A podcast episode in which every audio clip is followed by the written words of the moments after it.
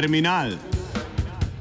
Vedno različni, nikoli isti, reš kolumnisti, isti, isti, isti, isti, isti, isti. Joker, generični, veliki, mali človek.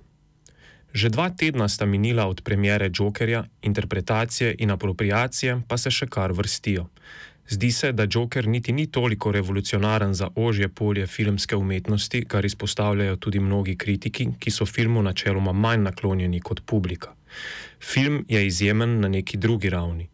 Z aktualno družbeno-politično situacijo se namreč zlepi na nek povsem nov način, ki ustreza surrealistični postfaktični dobi, v kateri imaginarni filmski junaki znotraj javnega diskurza nastopajo na povsem isti način kot resnični družbeni akteri. Apropriacija, distanciranje ali kritiziranje Jokerjevih filmskih gest tako poteka na identičen način kot apropriacija, distanciranje ali kritiziranje političnih gest Trumpa ali Grete Thunberg. Politizacija popkulture, ki, ki gre z roko v roki s popkulturalizacijo pop politike, je v kontekstu Jokerja tako dosegla eno svojih najočitnejših manifestacij. Za to vrstno mešanje realnosti in fikcije seveda obstajajo dobri razlogi, saj del jokerske fame izhaja tudi iz množičnega poboja na projekciji Batmana v Aurori v ZDA. Od takrat dalje lik Jokerja direktno asocira na problematiko socialno-političnih učinkov družbene izrinjenosti in osame v kombinaciji z duševnimi boleznimi, kar je tudi glavna tematika njegove nove filmske upodobitve. Razlaga vseh družbenih kontekstov in naključnih srečanj, ki so Jokerja umestile v center sodobnega kulturnega boja, se zdi skoraj nemogoče kompleksna naloga. Vsekakor so Jokerja mnogi, še preden se je zares pojavil v kinih, razumeli kot afirmacijo skrajno desne politične drže, kar je nedvomno povezano s predhodno vlogo figure Jokerja znotraj libertarno-anarhistične in gamerske mem, mem kulture. Apropriacija fenomenov iz popkulture v radikalne politične namene, spomnimo se le na Taylor Swift, je vsekakor že videna formula alternativne desnice.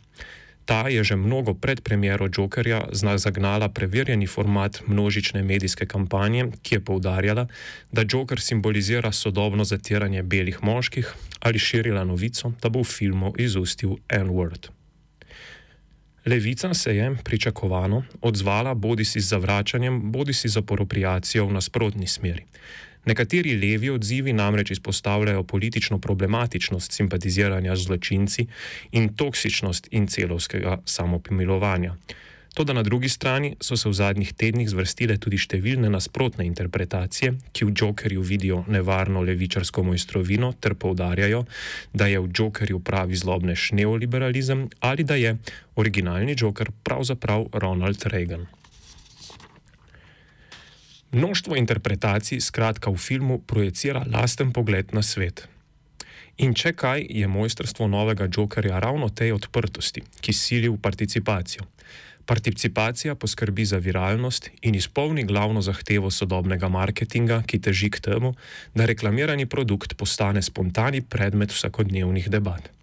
Težko je presoditi, v kolikšni meri gre za srečo, torej za naključno ujemanje med realnimi dogodki in filmskim narativom, in v kolikšni meri je bila to vrstna struktura, ki filmsko dogajanje podaljšuje v politično in internetno realnost, vnaprej režijsko predvidena. V nasprotju s pričakovanji film namreč ni eksplicitno političen, niti se ne poslužuje klišejev, ki bi omogočali enostavno, levo ali desno popredalčkanje.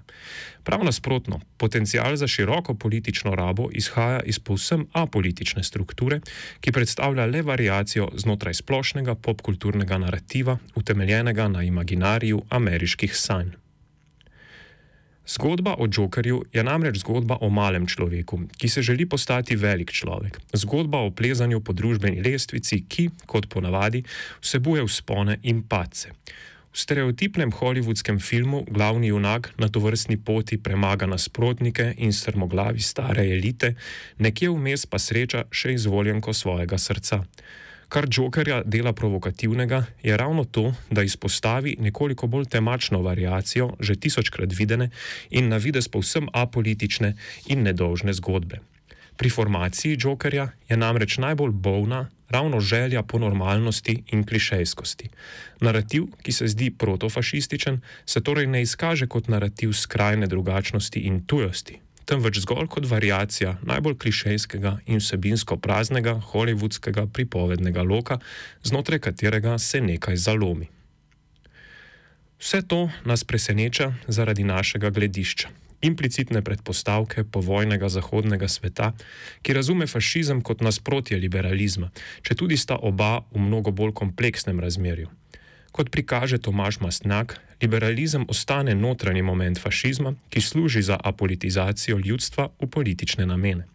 Struktura ameriških sanj, kot jo denimo predstavlja v književnosti Ayn Rand, je zato bolj ali manj identična strukturi personalizirane fašistične propagande, za katero Adorno pravi, da stavi na koncept velikega malega človeka ki je paradoksno obenem singularen izjemen posameznik, del nove alternativne elite, po drugi strani pa tudi zgolj eden izmed ljudstva.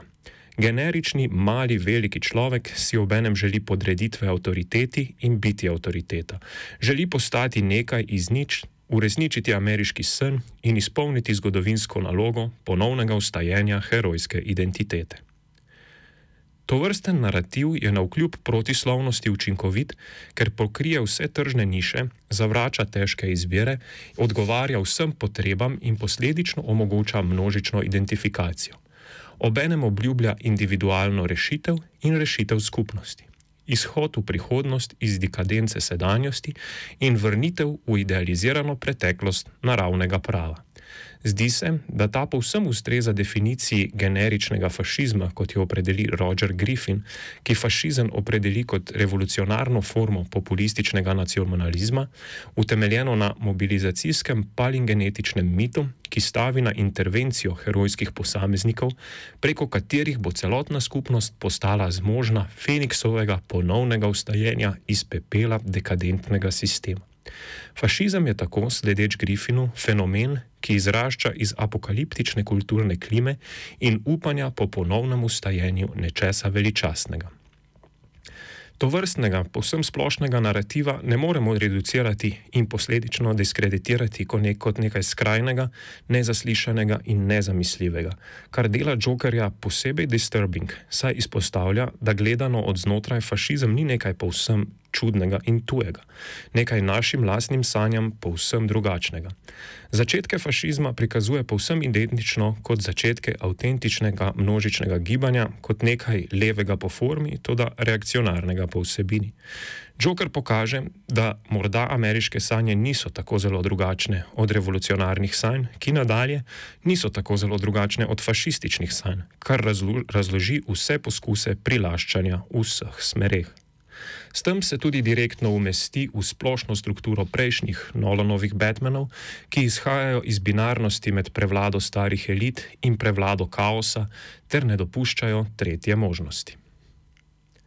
Prevlada kaosa, ki jo v popkulturi simbolizira figura Jokerja, ustreza politični možnosti izhoda iz repetitivne dolgočasnosti postmoderne.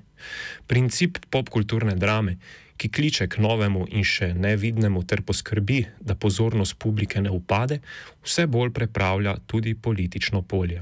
Kot namreč izpostavlja Simon Reynolds, se politična izbira vse bolj reducira na izbiro med dolgočasnostjo predvidljivih liberalnih politik in afirmacijo popkulturnega principa edgy politike, ki obljublja nekaj novega: več drame, več ekstremov in več zasukov.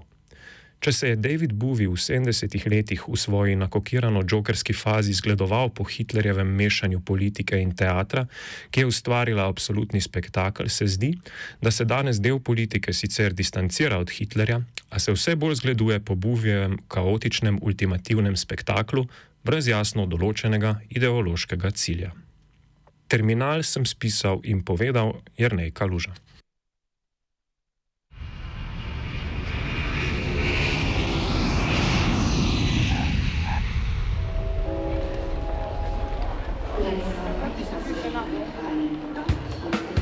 Terminal. Vedno različni, nikoli isti, reš kolumnisti, isti, isti, isti, isti.